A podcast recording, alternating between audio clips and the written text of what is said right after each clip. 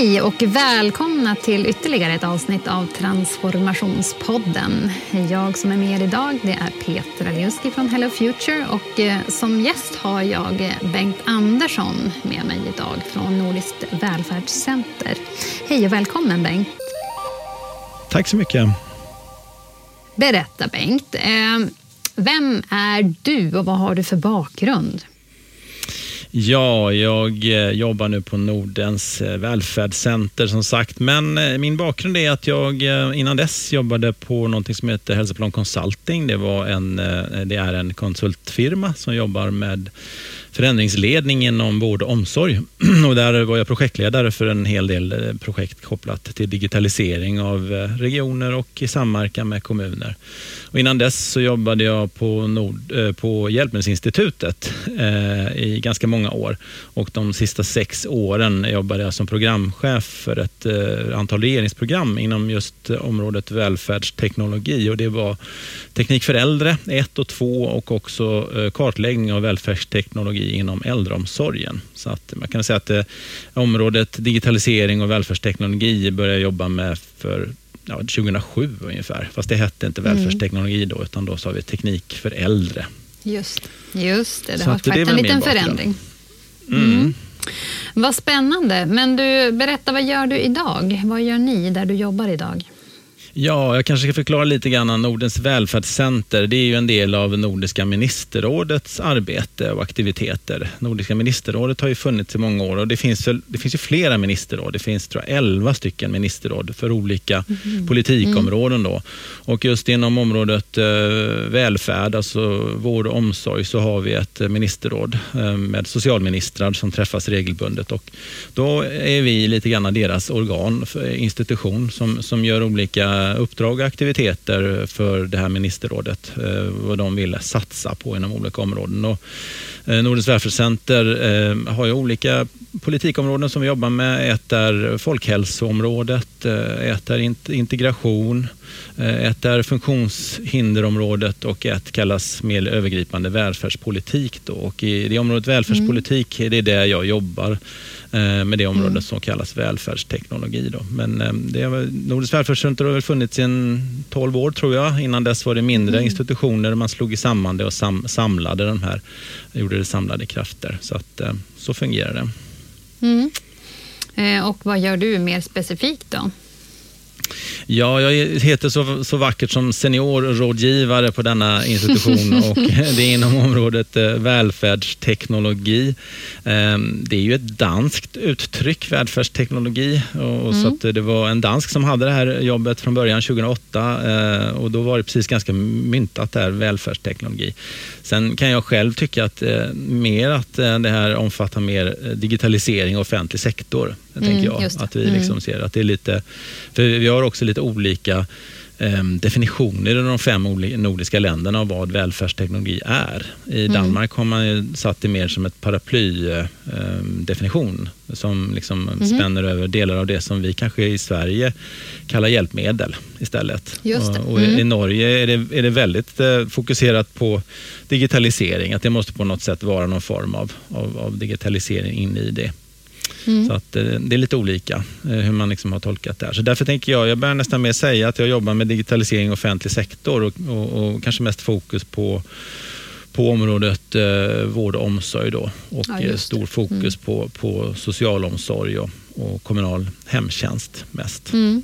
Just det, och det är där vi ska samtala lite grann idag, du och jag. Vad är det egentligen som, som händer, ja, men dels i Sverige eh, och i stort med digitalisering eh, inom vård och omsorgsområdet, men sen också vad, vad gör våra nordiska grannländer? Finns det någonting vi kan dra lärdom av därifrån och vad är det Sverige behöver göra kanske för att i vissa fall också spänna bågen lite mer och komma ifatt? För vi har ju hamnat på, på lite på efterkälken på vissa plan. Ja, men det är intressant och det är, det är intressant också. Vi har, en av aktiviteterna som vi har börjat med på Nordens välfärdscenter det är att eh, eh se om vi kan benchmarka. Vi kan göra jämförelser mellan de nordiska länderna och se hur långt man har kommit faktiskt eh, i med implementeringstakten. Så det är någonting som vi håller på och grundar med nu och tittar just på ett antal tjänster eh, mm. för att se om man kan plocka fram faktiska data och ta fram eh, tabeller eller grafer på. Att se hur, jämföra med hur, hur, hur ser det faktiskt faktiskt ut. Då. Mm. Och då är det, det är fyra tjänster, det är digitala trygghetslarm, vilket det kanske inte är, det, det, det, fin, det, har, det finns nog på alla ställen idag, men det är också digital nattillsyn, mm. eh, GPS-klockan, alltså trygghetsalarm som fungerar utanför hemmet mm. och sen är det medicinpåminnare. Och där kan vi säga att vi från Sverige och eh, Norge, där har vi eh, basfakta som gör att vi kan börja jämföra det här. Och vi håller på att se om vi kan få fram det från Finland och eh, Danmark också. Så att förhoppningsvis mm. under 2021 tror jag att vi kan titta på ta fram hur faktiskt det ser ut. Vi kan redan idag avslöja att eh, Norge har ungefär dubbelt så många eh, GPS-alarm eh, per invånare eh, ute mm. bland befolkningen än vad man har i Sverige. Så där kan man säga att de precis som du sa, de, de har gått om oss i Sverige mm. eh, på de senaste åren. Eh, och det, det, de har en brantare kurva uppåt eh, till mm. hur många det är som får faktiskt. Och då är det inte svaret på frågan hur många kommuner som har implementerat utan då är det hur många individer som faktiskt har den här tjänsten. Ja, men precis, som använder den varje dag. Mm. Liksom så mm. ja. eh, om vi zoomar ut lite grann och tittar på, på hur det ser ut med, med digitaliseringen. Idag har vi ju ett, ett ganska, ja, men vad ska vi säga, ett påtagligt läge med corona som, som härjar, om man nu får använda det uttrycket, eh, vilket mm. påverkar ju eh, hastigheten och möjligheten kring digitaliseringen också, även i den här sektorn. Eh, så att jag tänker att vi ska prata lite grann kring det. Vi börjar lite stort och sen trattar vi ner oss eh, mer och mer. Eh, mm. Digitaliseringen i stort, jag menar i Sverige så har vi ju en, en historia av att vi är, har en väldigt utbredd och välorganiserad välfärd. Mm. Och vi har ju legat i bräschen ganska länge kan man ju säga. Mm. Eh, om du fick bara reflektera i stort, hur tycker du att det, det är? Alltså vad, vad händer inom digitaliseringen inom vård och omsorg i Sverige idag? Jo, men det är massor med positiva aktiviteter överallt och det, det, är på agendan överallt också, tycker jag, jag mig se. Eh, så att det, är, eh, det, sker ju, det, sker ju, det sker ju saker och ting, men det sker kanske inte riktigt så synkroniserat som, som man kanske skulle önska att det skulle kunna göra. Och Jag tror också att man mm. Eh, både i regioner och i kommuner saknar lite eh, vägledning hur man ska gå vidare. Eh, jag tror att man, mm. Eh, man, eh, jag tror man har tittat på till exempel ordnat införande, eh, ett regeringsuppdrag som SKR har, har vi tittat på hur många utav, eller om det är Socialstyrelsen, så kommer jag inte riktigt ihåg nu, men har tittat på hur, hur, hur, vad man har för strategier och då visar det sig att varje region har sin egen strategi för att, för att jobba med digitalisering och införande utav, av distanslösningar till exempel. Så att, ja, men som vi brukar svara i Sverige så är det på 21 olika sätt, det vill säga 21 regioner och på 290 olika sätt. Det är 290 mm. kommuner. Men att det, det, det är liksom är högt på agendan och att det sker eh, överallt, den saken är, är definitivt klar. Och att, och att vi i Sverige jobbar eh, mer med det här än kanske många andra länder. Det tror jag. Eh, mm. Jag har varit på några möten, internationella möten och diskuterat det här med, med representanter från andra europeiska länder och där är det mm. ytterligare ännu mer spretigt kan man säga. Så att, så att ur ett internationellt perspektiv så sticker ju Norden ut och jobbar eh, strukturerat med digitalisering mm. av offentlig sektor. Eh, att vi gör det kanske på lite olika sätt i de, i de mm. nordiska länderna och att att i Sverige sker det lite grann beroende på var man är någonstans eh, på olika mm. sätt. Då. Just det. Eh, men vad, vad tänker För att det jag eh, hör då, det är att vi har alla de här möjliga olika sätten att jobba på för att få till stånd den här digitaliseringen som vi fortfarande benämner det som. Mm. Eh, men vad, hur, jag tänker så här att det finns ju jättemånga eh, checklistor, riktlinjer och incitament från myndigheter och så vidare hur vi ska gå tillväga. Vi har ju en uppsjö av möjliggörande teknik. Vi har eh, nyfikenhet och eh, vilja och dessutom så har vi kolossen, den här vetskapen om den demografiska förändringen som vi står mm. inför och är faktiskt mitt uppe i. Eh, och, och, det här skapar ju liksom en vilja att, att eh, verkligen eh, ja, ösa bränsle på, på den här eh, motorn eller på, på brasan så att vi ska liksom få igång en ordentlig effekt. Varför händer inte det tror du? Ja, men det, det händer, det är lite, jag brukar säga det är lite, mer, lite mycket one-to-one lösningar. Det händer, det händer inom vissa delar av, av eh, vården och vissa delar av om, omsorgen. Och när man, när man skalar upp och ökar, både man med, med utbredning men också eh, ökar antalet tjänster, så kan man, kan man se att eh, man behöver nog ha en samordning av det här. Och det, det, kan man säga, det kan jag säga att jag vet att det är på det sättet. För att eh, titta på våra nordiska grannar och framförallt på Norge då, där det finns eh, mm. runt 200 kommuner, nästan hälften av alla kommuner idag har genom deras välfärdsteknologiprogram implementerat de åtta tjänster som man ska göra och kommer att ha gjort innan 2020. Och det, då är det ju att Dels har de många fler tjänster och sen har de också många fler användare av de här tjänsterna. Men de får problem och det problemet mm är mhm. att de har också gått one-to-one-lösningar. Så de har implementerat nya tjänster men de har inte synkroniserat dem. Det vill säga att de får mm. otroligt mycket information nu in och de har svårt att hantera det. Så de bör, jobbar ju nu med någonting som kallas response service, alltså svarstjänster. Mm. Mm. för all information som kommer från de här olika eh, tjänsterna ute eh, behöver ju inte komma, varken socialtjänsten eller vården, till, till alltså komma in i, i systemen utan det, det, det räcker att det kanske bara eh, registreras så att säga. Mm. Och där tror jag också, det är väl också en, problemet med att skala upp då, tänker jag. Att mm. eh, det är, det är ett, ett, det problemet. Sen det, det absolut största problemet det är att eh, man genomför piloter på olika sätt med tjänster. Men sen när man ska mm. gå från eh, 70 patienter eh, med hem, hem, telemonitorering av KOL-patienter till exempel, när man ska gå upp till 250 patienter så klarar man liksom inte av det. Och då är det, då är det inte mm. tekniken, eller teknologin, eller strategin eller strukturen det är fel på, utan det är det or, organisationen som måste förändras. Mm. Att, mm. Eh, eh, man måste jobba på ett helt annat sätt. Man måste organisera om sig helt enkelt. Man behöver nya typer av kompetenser och eh, och vissa kompetenser behöver man inte längre. Eh, så att det, är ju en, det är en väldigt stor förändringsledning som krävs för att man ska kunna skala upp helt enkelt.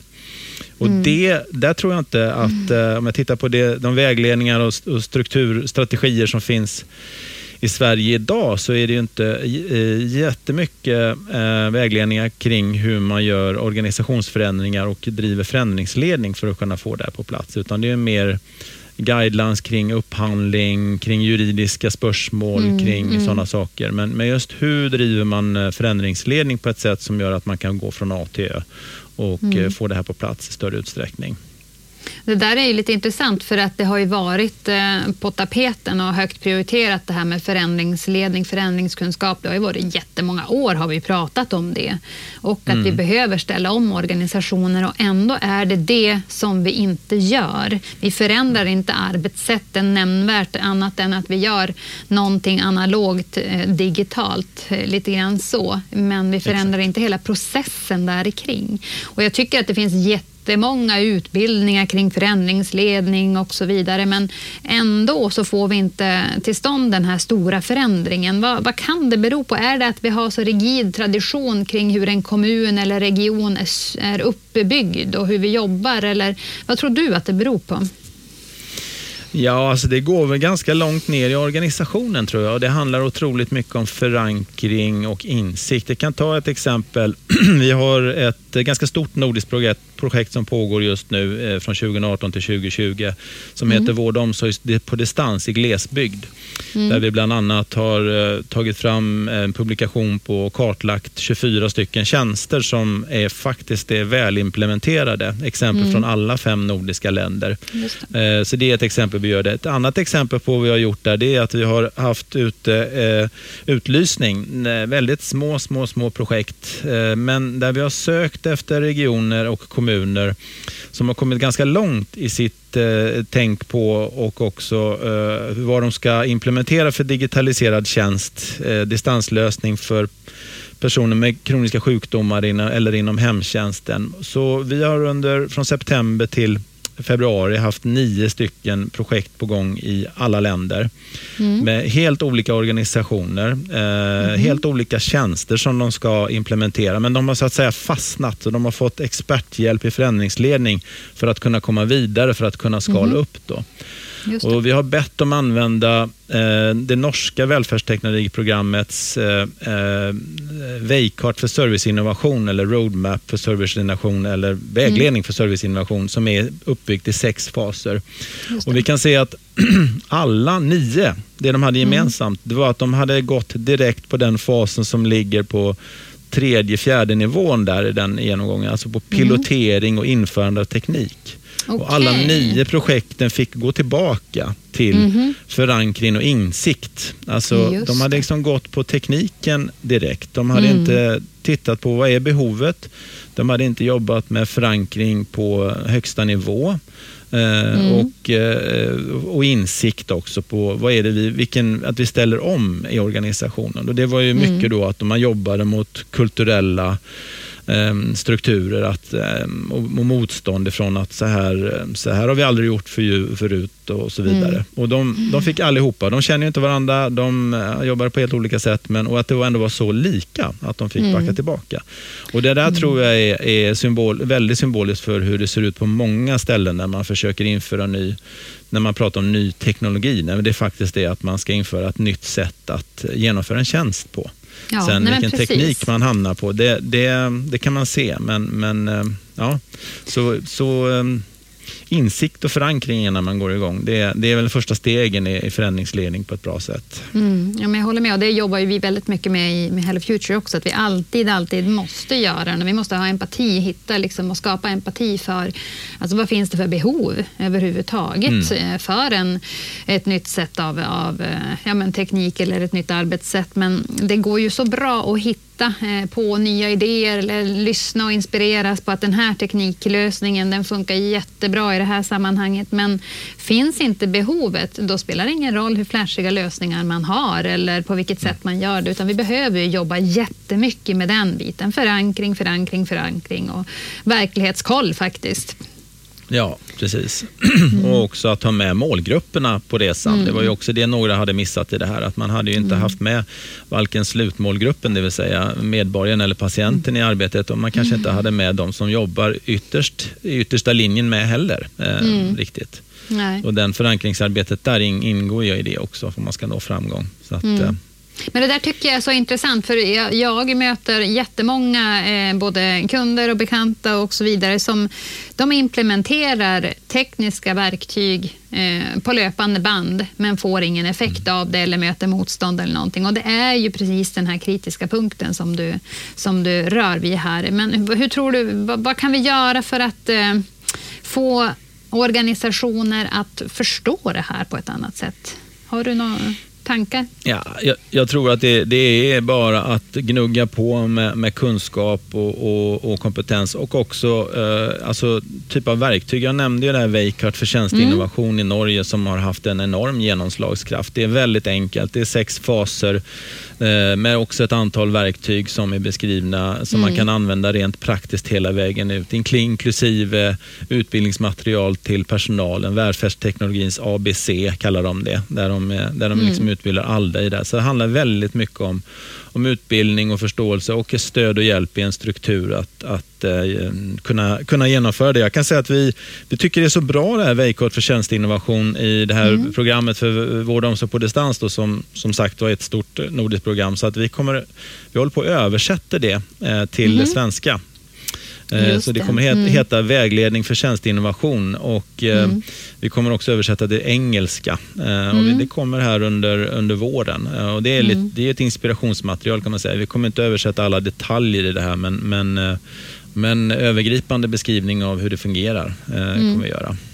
Det är ju jättebra och där finns det ju en uppsjö liknande både inspirationsguider och utbildningar och så vidare. Så jag tänker att vi börjar ju ha ett ganska gediget utbud av att kunna ta till oss kunskap och inspiration. Det handlar väl mycket om att eh, verkligen göra det på riktigt, tänker jag, i en organisation. Mm. Att ledningen, då, den här förändringsledningen, eh, ska ja, prioritera den här typen av insatser, eller hur?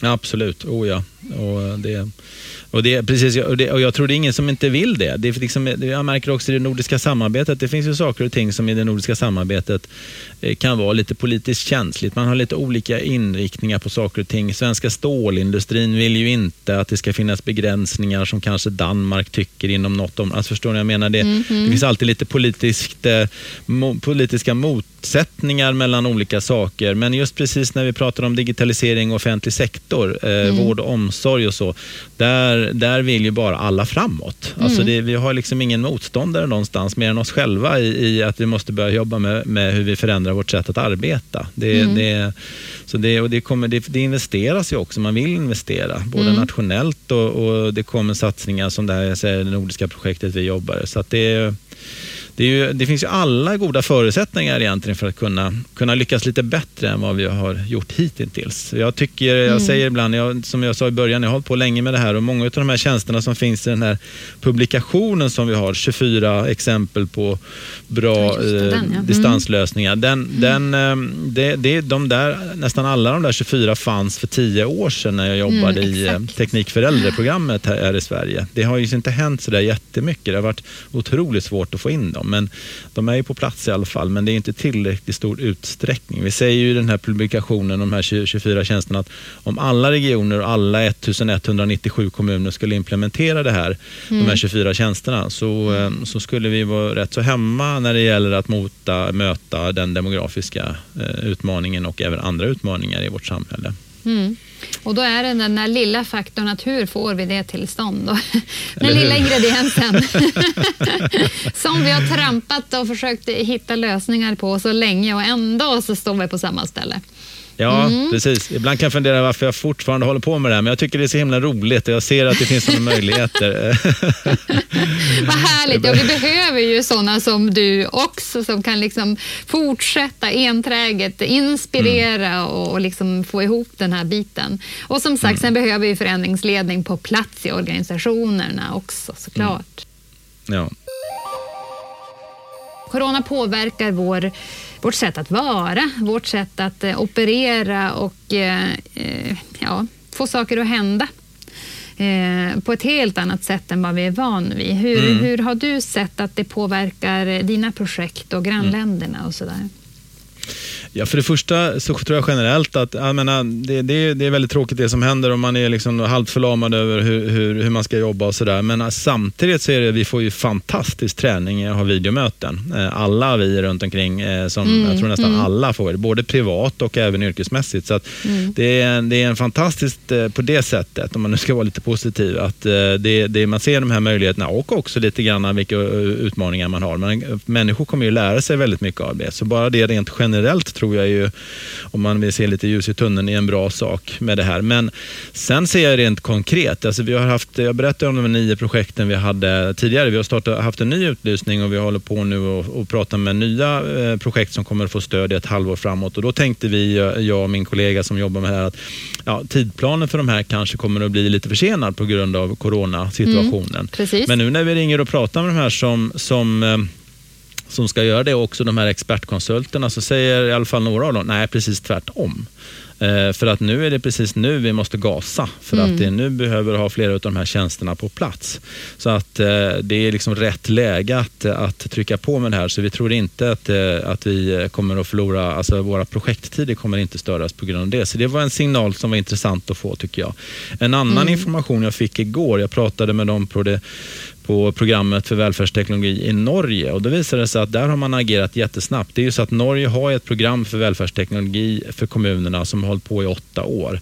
de bestämde sig tidigt egentligen, 2011-12 där, ungefär som att man skulle byta pensionspolitik eller skattepolitik eller ny försvarspolitik. Man bestämde att nu ska vi satsa på, på digitalisering inom eh, kommunal, kommunala sektorn. Mm. Eh, och därför har de det här programmet och det här, det här Veikart för tjänsteinnovation också är en del av det. Så de har en uppbyggt mm. programsystem kan man säga och där är det systemet, fick jag höra igår, att där har man då gasat på från eh, myndigheterna och också mm. från KS då, som är motsvarigheten till, till SKR i Sverige. Och där man eh, då ger möjlighet för kommunerna att få tilldelat medel för att eh, öka på de här tjänsterna som de då ännu inte riktigt har fått plats, just med tanke på corona. Så det är 114 kommuner som nu jobbar stenåt med att implementera videokonsultationer på distans, mm. medicinpåminnare och någon mer tjänst mm. som liksom bara för att verkligen trycka på. Det var sånt som de skulle ha gjort färdigt fram till årsskiftet och nu är liksom målet att de ska vara klara med det här innan maj. Oj, oj, oj. Eh, mm. Och det är 114 kommuner som jobbar stenhårt med det, det vill säga en tredjedel av Norges kommuner mm. som, som trycker på. Fantastiskt. Mm. Så att det är ju ett, jag blir lite imponerad över hur de, hur de tänker och hur de gör. Inte, inte väntar och sitter utan gasar på istället när det här kommer. Mm. För man får se ju att det här är ju det här är ju just precis för de här svaga grupperna Mm. som man säger inom corona, de som vi nu ska skydda, liksom äldre med underliggande sjukdomar, mm. personer med KOL och diabetes 2, eh, hjärt, hjärt-kärlsjukdomar. Det är många gånger de som vi ser som har störst nytta av de här typen av eh, lösningar också. Mm. Eh, som, mm. som vi, eh, distanslösningar och välfärdsteknologi och digitalisering överhuvudtaget som, mm. som kan dra nytta av det på alla möjliga sätt för att skapa trygghet, frihet och, och mm. att de ska må bra. Ja men visst, gud vad bra. Det är ju en jättebra, ett bra incitament också att få det att hända snabbt. Ja, mm. så jag sa ju till dem igår, ni, ni glömmer väl inte bort nu att, att, att lägga ut att ni gör det här och Exakt. länka det så att vi kan... Eh, och då sa de, det har vi inte tänkt på. Ja, men det måste ni göra. Ni måste liksom berätta ja. om att ni gör det här för omvärlden. Så jag har bett dem att de ska göra det och att de ska skicka en länk på det så att vi kan tala om för dem. För att det, jag förstår dem, de är mitt uppe i någon sorts akut krisarbete som ändå är bra så, men, men man måste ändå kunna, kunna kunna tala om att de gör det. Det är bra. Ja men exakt och det kan ju i sin tur då inspirera andra att ta efter kanske också. Tänker jag. Ja, exakt. Mm. Precis. Och tänka, just precis som jag tänkte att nej, men de här projekten som vi börjar nu, de kommer att bli försenade. Nej, det är precis tvärtom. Det är nog mm. nu vi ska det är nog nu vi ska gasa på. Då kanske vi eh, kan, för jag tror att det här förändringsledningsarbetet blir enklare för att man, man jag tror att man kommer att förstå att det här gör skillnad. Den här typen mm. av digitalisering och tjänster, distanslösningar och så, det, det kan faktiskt ha en stor, stor effekt, inte bara under coronatider som den här, utan även fortsatt. Då. Så mm. att, äh, återigen, äh, det, det, det, är jobbigt med den här krisen, men vi kan nog lära oss mycket av det och dra nytta av, av det på sikt. Då, ja, men precis. Jo, och det gäller ju att, att orka med då nu under en kortare period i det här tempot med de, ja, men, de medel som kommer då från eventuella myndigheter och så vidare. Att vi liksom gasar och, och hänger i lite grann, för det kommer inte att vara ett läge som pågår för alltid, utan att vi vet ju att det är en period. Nej. Eh, helt Exakt. klart. Men du, om vi tittar lite mm. grann på, på Finland. Jag vet att du har ju mm. kontakter där också. De gör bra saker, spännande grejer. Mm. Mm. Oh ja. Nej, men det är ju lite grann så, får man väl ändå säga, att det, det, det, man, man har inte alltid jättekoll på, på Finland och det mm. handlar naturligtvis om språket. Man, man, man, när man går in på, på danska och norska webbsajter och så, så kan man ganska snabbt ta till sig och sådär. Men Eh, de facto har vi en region i Finland som heter Exote som är, eh, ligger under eh, öster om Helsingfors. Mm. Längs med kusten och mot, mot Sankt Petersburg där. Mm. Som som jag har faktiskt följt flera år tillbaka och även från svenskt håll vet att man har gjort, som, som kanske förmodligen vi sticker ut hakan och säger att de är de som har ställt om mest av alla regioner Precis. i hela Norden. Mm. Och de mm. ligger längst fram när det gäller att jobba med digitalisering, ett mm. modernare sätt att jobba med vård och omsorg, där, där väldigt mycket sker ute i hemmen. Överhuvudtaget mm. ute i, i, i, i byarna och områdena där folk bor. Då. Och väldigt lite mm. sker centralt. Då. Så man jobbar otroligt väldigt mycket med hemrehabilitering och man har distansmonitorering och, och så. Och det var egentligen att de började med, det är en lång, lång historia som jag inte hinner dra nu för det tar nästan en dag berätta tror jag. Men eh, den, eh, den börjar egentligen med att de var tvungna att ställa om. De var tvungna Ja. att, eh, Mm. att göra det av olika, av olika skäl. Och då, då var det som så att de hade behoven Mm. först och sen så kom själva teknologin och lösningarna efteråt. Så det är väl liksom det. Den lärdomen man kan dra. Sen har de också koordinerat det här med responscenter som jag pratade om Mm. tidigare. Det vill säga att man samlar in eh, det som kommer in ifrån information och man har också koordinerat all informationsöverföring mellan socialtjänst eh, och eh, journalhantering och så. Så att Mm. man har allting i ett system. Så att, eh, och sen hur de riktigt har löst det med GDPR och så vidare, det vet jag inte, men, men det, de har gjort det säger de. Men de, alltså det, det, de har rätt information om rätt person vid rätt tillfälle. När ambulansen kommer till någon så vet de vem det är och vilken bakgrund de har och så vidare. Så att det, Det är de har också löst det här med informations... Mm. Och de jobbar också förebyggande en hel del. De försöker titta på hur man kan, eh, kan använda sig information för att eh, identifiera sånt som kommer att hända framöver. Så att eh, det, det Exoterregionen är otroligt imponerande hur, de har, hur de jobbat. Och vi, vi har varit där, vi har varit där. jag har läst om det tidigare, träffat folk som har jobbat där med Vi var där på studiebesök eh, i september och eh, de hade en sån här remote eh, unit, alltså där folk satt, där satt två personer på heltid och jobbade med videobesök. Och de, de gjorde ungefär 75 75 hemtjänstbesök per, perso- per, per medarbetare och dag. Då. Eh, Mm. Oj, det är imponerande. ganska imponerande siffror. Ja, verkligen. Och de var lite oroliga, de var lite oroliga om, om, om målgruppen tyckte att det här inte var bra. Så de hade Mm. gjort en undersökning av det och det visade sig att eh, målgruppen tyckte ju bättre om de här videobesöken än de fysiska besöken. Mhm. För att eh, när, de, när de sa de fysiska videobesöken, ja då sitter vi och tittar varandra i ögonen och, och Mm. de frågar hur jag mår och jag får hjälp med det jag ska göra. När de kommer de fysiska besöken, ja då springer de bara omkring och är jättestressade och Ja. springer bredvid mig och säger det hela tiden. Så att det var ganska intressant. det var ingen Åh, vad det värmer vetenskaplig hjärtat studie. att Men, höra. Va? Ja. Åh, vad fantastiskt. Ja, exakt. och vi var med när de gjorde några sådana här besök och det var, det var och då, jag tog tid. Hon var och hälsade på oss en, en dam där när hon skulle hjälpa henne att sätta på maten, Mm. mikromaten. Och så värmde den och sen satt hon och pratade med henne när hon satt och åt. Men hon var bara där i sex minuter. Men jag märkte, Mm. man märkte på den här äldre damen att hon var ganska nöjd efter de där sex minuterna. Och då kan man tänka Mm. sig, men ibland så kan man tycka att ett telefonsamtal på sex minuter är är rätt bra och långt. Eh, Mm. Men eh, ett videosamtal på sex minuter fungerar väldigt bra också som stöd och hjälp men också eh, lite att, man, att, man, att det ger lite mer än, Mm. än ett fysiskt besök. Ja, och jag tänker en annan del i det där, det är ju, nu har ju jag jobbat eh, tillfälligt inom, eh, som chef inom hemtjänsten eh, och det jag tänker som det här verkligen gör då, det är ju att eh, dels är det ju närvarande verkligen där och då, båda parter, men att eh, kunna ha lite mer exakta tider för att eh, det är ju saker som kan uppstå i, ja, men i mm, transportsträckor.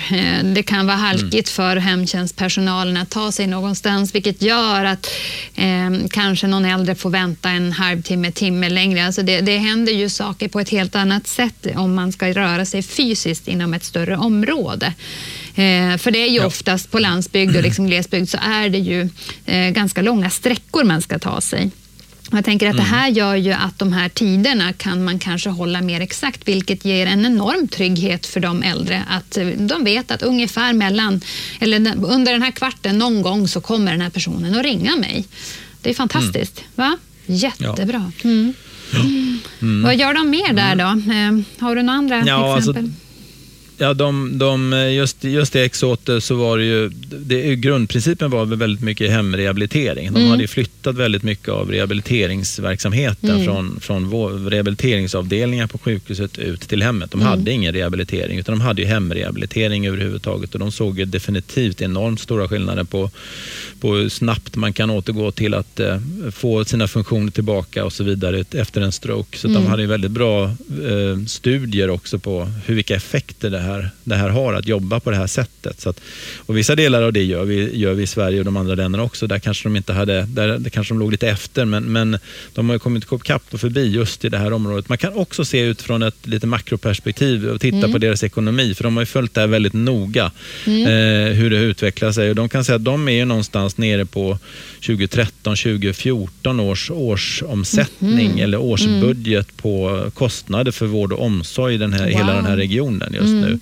Där det då gick, gick uppåt naturligtvis som det gör alla under mm. 14, 15, 16, 17, 18. Men sen ja. planar den här kurvan ut och så nu ligger de ner igen på, mm. på så att det här är konsumtionseffektivt också. Absolut, äh, ja.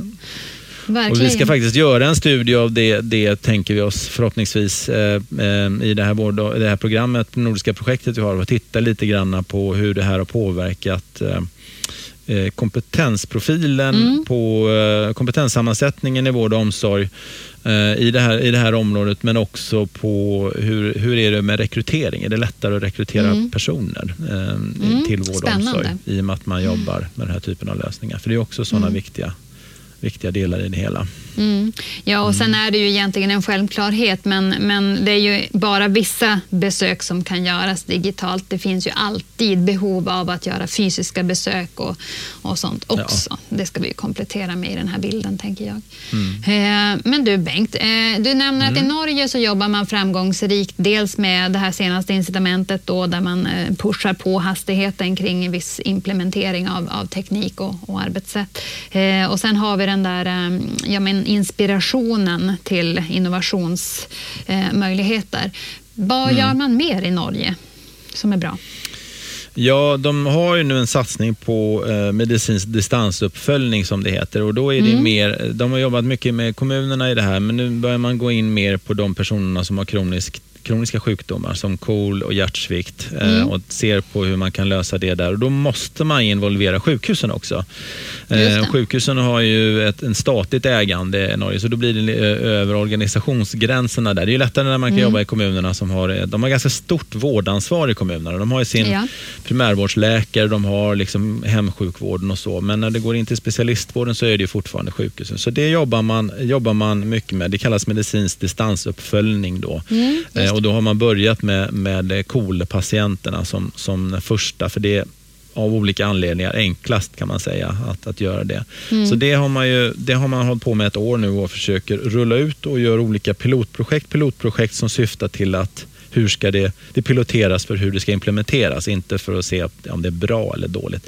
Sen mm. har de ju också hela tiden haft med sig eh, eh, norska eh, forskningscentret för e-hälsa som ligger uppe i Tromsö. Som, som är väl det forskningscentrat i Norge som, som har, eller i Norden som har jobbat mest med studier och rapporter kring det här området. Man kan mm. gå mhm. in på deras webb och titta. Eh, det är ganska imponerande vad de, gör, vad de gör där, både av det som kallas vetenskapliga studier men också sånt som kallas gråpapper, alltså mm. som inte är vetenskapliga studier men ändå sammanställningar och sånt som är av eh, och då, där, därav också att de är så säkra på vad de ska satsa på. Mm. Eh, men just när det gäller den här medicinsk distansuppföljning så är det väl som det är en av de sakerna som de här 114 kommunerna nu jobbar med också. Så att det pilotprojektandet som är, det har fått en hastig förändring i, i och med coronakrisen till att bli mer faktiskt införande som det ser ut nu. Aha, så att, um, det, det är väl det. Men man kan säga att de har ju problem i Norge precis som vi kan ha i Sverige och även tror i alla länder egentligen. Just när det är flera olika stuprör som ska samordnas. Till exempel mm, med, mm. Eh, genom kommun, primärvård och eh,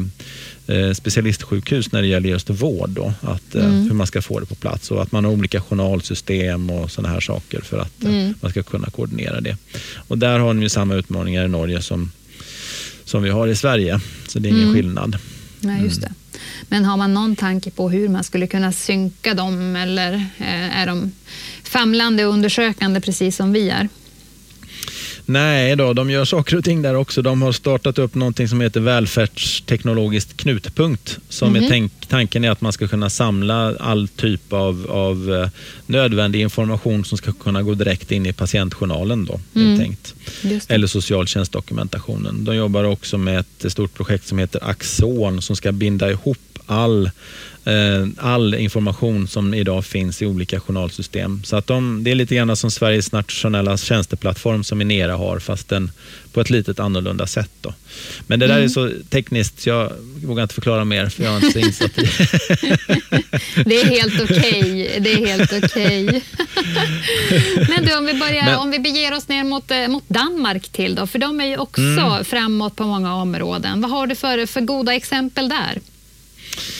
Ja, men Danmark var ju liksom först när det gäller alltså det här begreppet välfärdsteknologi. Och mm. De var också de som, som hade sin fond för välfärdsteknologi mellan 2008 till 2012. Jag tror det var 3 miljarder danska kronor som pytsades ut i olika eh, projekt. Mm. Och Efterdyningarna av det där är väl det som fortfarande liksom driver på utvecklingen i Danmark. Och Man bildade ett center på det som heter KL, då, mm. kommunernas landsförening, som är som vår del av SKR, då, eh, som har ett center för välfärdsteknologi välfärdsteknologi. Det finns också center för välfärdsteknologi i kommunkluster, mm. till exempel runt Odense. Det finns i Århus, eh, den, den näst största staden i Danmark. Där har man kommit, kommit långt och jobbar väldigt strukturerat med det här på olika sätt. De har också haft sådana här guidelines eller eh, vägledningar för hur man ska jobba med implementering, men de har gjort det lite annorlunda än Norge. De har haft det per tjänst, så man har haft en mm. tjänst och så har man kommit ut med en guideline. Hur ska man implementera den här, den här tjänsten då? Mm. Eh, och det, de har nog kommit till en nivå, som jag förstår det när jag pratar med dem i Danmark, att de har gjort ganska mycket, eh, men har kommit till en liten eh, läge nu där de tar det lite lugnt. För de tycker mm. att de har implementerat så mycket så att nu har de ändå fått styr på sina på sitt, sitt, sin utveckling. Så att det är lite, eh, lite lugn kan man säga i mhm. Danmark. Mm. Jag, jag, när jag berättar för dem vad de gör i Norge och så där så blir de nog lite stressade för att eh, de märker att de kanske måste öka på lite grann igen. Men, men, just mm. nu, det är också så att de har haft politiska, både i Danmark och Finland, de har haft lite politiska eh, vad ska säga, hinder på vägen. Mm. De, de, de, I Danmark skulle man införa en ny sundhetsreform här var det tänkt, men så blev det blev det byte av regering och så blev, det, blev, blev inte det av riktigt. Och likadant i Finland var det så att där skulle man göra en regionindelning mm. eh, som den gamla regeringen föll på, hela det, ja. hela det mm. arbetet. Så det gick i stå. Det är ungefär som vi hade ju ett förslag på regionindelning i Sverige här för några mm. år sedan Precis. som också föll. Då. Och det har fått konsekvenser både i Danmark och Finland tror jag på att man att jobba med. Man vet inte hur spelplanen ser ut riktigt så då har man inte riktigt kunnat jobba med utveckling. Men det, det, som, de, det som de gör i Danmark Danmark och som är väldigt bra, det är kopplat till vård. Och det är att de, de har tagit fram något som heter Fälles utbud av telemedicin. Det är en mm. plattformslösning där man ska koppla alla typer av eh, telemedicinlösningar, alltså e-hälsolösningar till den plattformen nationellt. Man har Just. gått ihop 98 kommuner, fem regioner och staten och tillsammans äger den här plattformen. Mm. Och den börjar man då med eh, KOL KOL, e-hälsa för KOL-patienter. Mm. Igen, mycket tjat om KOL-patienter här, men det, det, det, är den, det är en framgångsrik grupp att jobba med just, just med, mm. med, eh, med telemedicinlösning. Och det ska mm. alla regioner och kommuner ha på plats per första juni 2020. Mm. Oj, spännande. De, eh, mm, det är bara Nordjylland som har haft det på plats sedan några år nu, men nu ska alla regioner göra det, är det tänkt. Mm. Så att, eh, det, är sånt som, det är sånt som händer.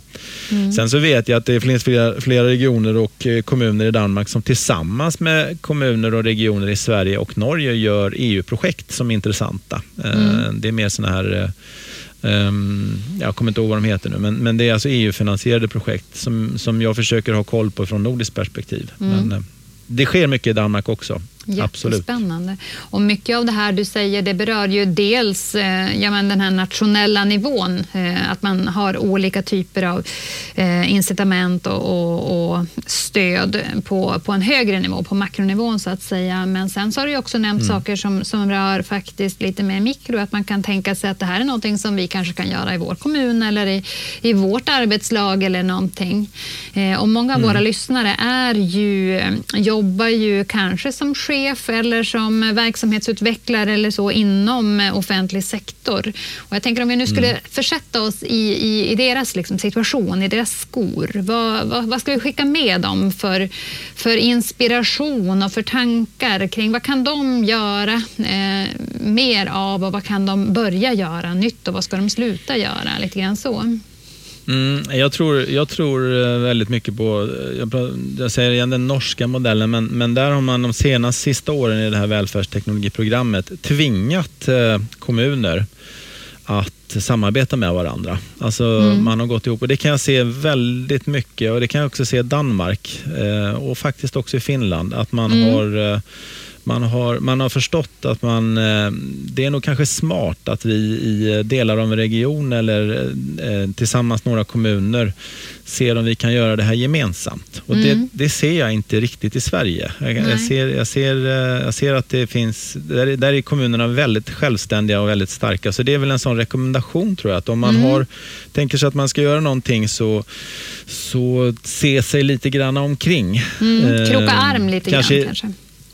Ja, och kroka arm och, tror kanske liksom, och även kanske tillsammans i eh, kommunen. Alltså det kan ju vara så att man, jag tror till exempel digitalisering av skolans arbete eller digitalisering av andra delar av de verksamheterna som finns i en kommun. Mm. Eh, det är inte så stor skillnad på när man ska jobba med förändringsledning. Man har en målgrupp, man har, man har förmodligen en teknologi som man ska införa, och, eh, men man behöver göra lite annorlunda än man har gjort tidigare. Så att, mm. så att eh, samarbete och samverkan, eh, både mm. informell och formell. Då. Det, det vad jag skulle göra om jag vore mm. den sitsen eh, och hade det ansvaret idag. För jag ser det eh, både på lokal, regional och nationell nivå. Att mm. det har en, en, stor framgång. Jag har träffat kommunkluster som har jobbat fantastiskt bra i Norge med 20 kommuner som jobbar mm. ihop. Så pass? Mm. Det, det, ja, eh, I Odense så har det väl varit 17 kommuner som har mm. jobbat tillsammans under ganska... De har gjort gemensamma upphandlingar, de tar fram gemensamma guidelines, mm. de, eh,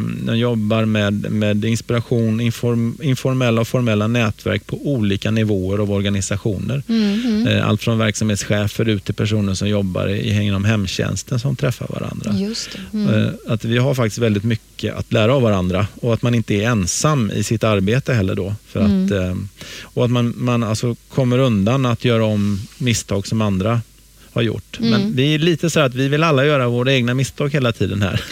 jag, kan, jag, kan, jag vet inte, det är som att vi har en sorts nationell profil som skiljer sig mellan svenskar och övriga nordis, nordbor. Ja. Att, och det, och jag vet inte om det om det stämmer, men det känns lite, lite, lite på det sättet. Mm, mm. Mm. Jo, men så är det nog tror jag och jag tänker att det, det, där, jag vet inte om det har att göra med tradition eller kultur eller eh, någon inbyggt, alltså någonting i systemen som vi har, att vi ska agera så att vi, vi har vår budget, vi ska minsann se till att det räcker till oss eh, bara och så ska vi göra våra egna misstag som sagt och vi spanar ju gärna på, på andra och kanske försöker ta en, en lösning som de har direkt bara kasta in i vår egen organisation utan att riktigt tänka efter. Men har vi exakt samma behov? För jag tror ju att många gånger kan vi kanske använda samma lösning men vi måste backa tillbaka och se vad behöver vi justera och finns, mm. finns det någonting annat vi behöver anpassa runt omkring den lösningen? Ja, eh, mm. precis. Nej, men det, det, är jättebra mm. medskick just att kanske ja, men sträcka på sig och blicka lite grann runt om eh, däromkring. Både som sagt internt i kommunen på, sin, på hemmaplan men sen också utanför kommungränserna. Eh, finns det något mm. annat vi kan skicka med till de här förändringsledarna som faktiskt brinner för det här och känner att jag står och trampar vatten. Nu vill jag verkligen komma vidare. Vi hade ju det här med ja, kompetensutvecklingen men... också. Mm.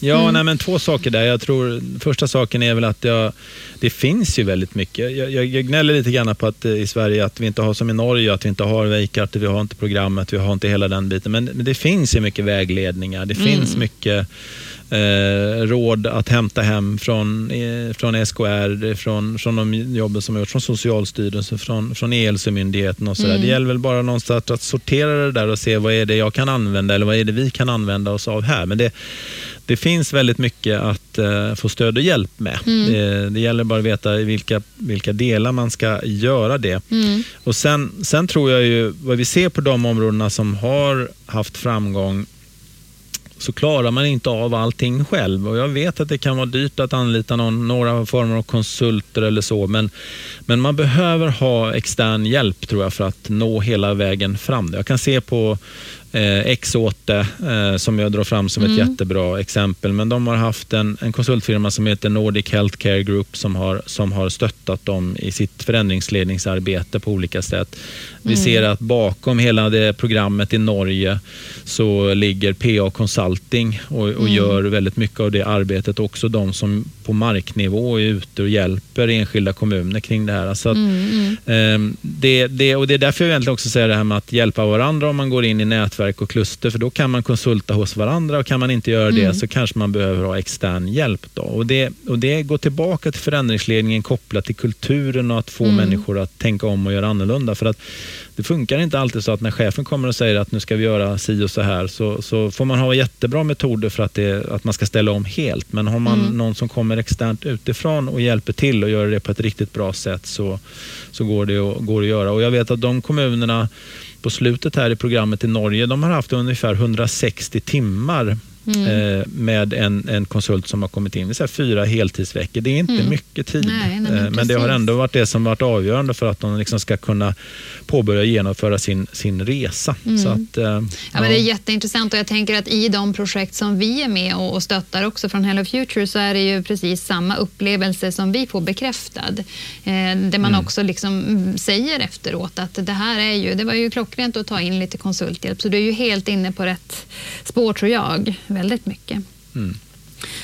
Eh, finns det något annat som du skulle vilja eh, nämna så här innan vi knyter ihop säcken? Nej, men alltså det är väl att, eh, som jag sa, jag har jobbat med det här nu ganska många år och det, det går himla trögt och långsamt men ändå är det förbaskat kul att eh, det ändå rullar på som det gör Visst. och eh, att det sker skillnader. Och när man hör såna här historier som jag berättade om Exot, om Ja. den här lilla undersökningen om att de här personerna tycker att det här är bättre än de fysiska be- besöken så, så tror jag att det gör stor skillnad. Jag kan väl också glädjas över, igår kom en rapport från Myndigheten för vårdanalys Mhm. som eh, vi kan tipsa om som nu kommer jag inte exakt ihåg vad den heter, men, men det var alltså man har tittat på vilka effekter välfärdsteknologi, eller välfärdsteknik säger man ju i Sverige, Mm. välfärdsteknik har på individer. På, på, ja, ger, skapar det trygghet eller ger det otrygghet? Skapar det Mm. en känsla av frihet eh, och så vidare. Och det var ju väldigt eh, genomgående, väldigt, väldigt positiva effekter. Ungefär Mm. som den här eh, dam, damen sa, eller de, de som hade sagt i, Exoter då att det här, är, det Mm. här funkar väldigt bra.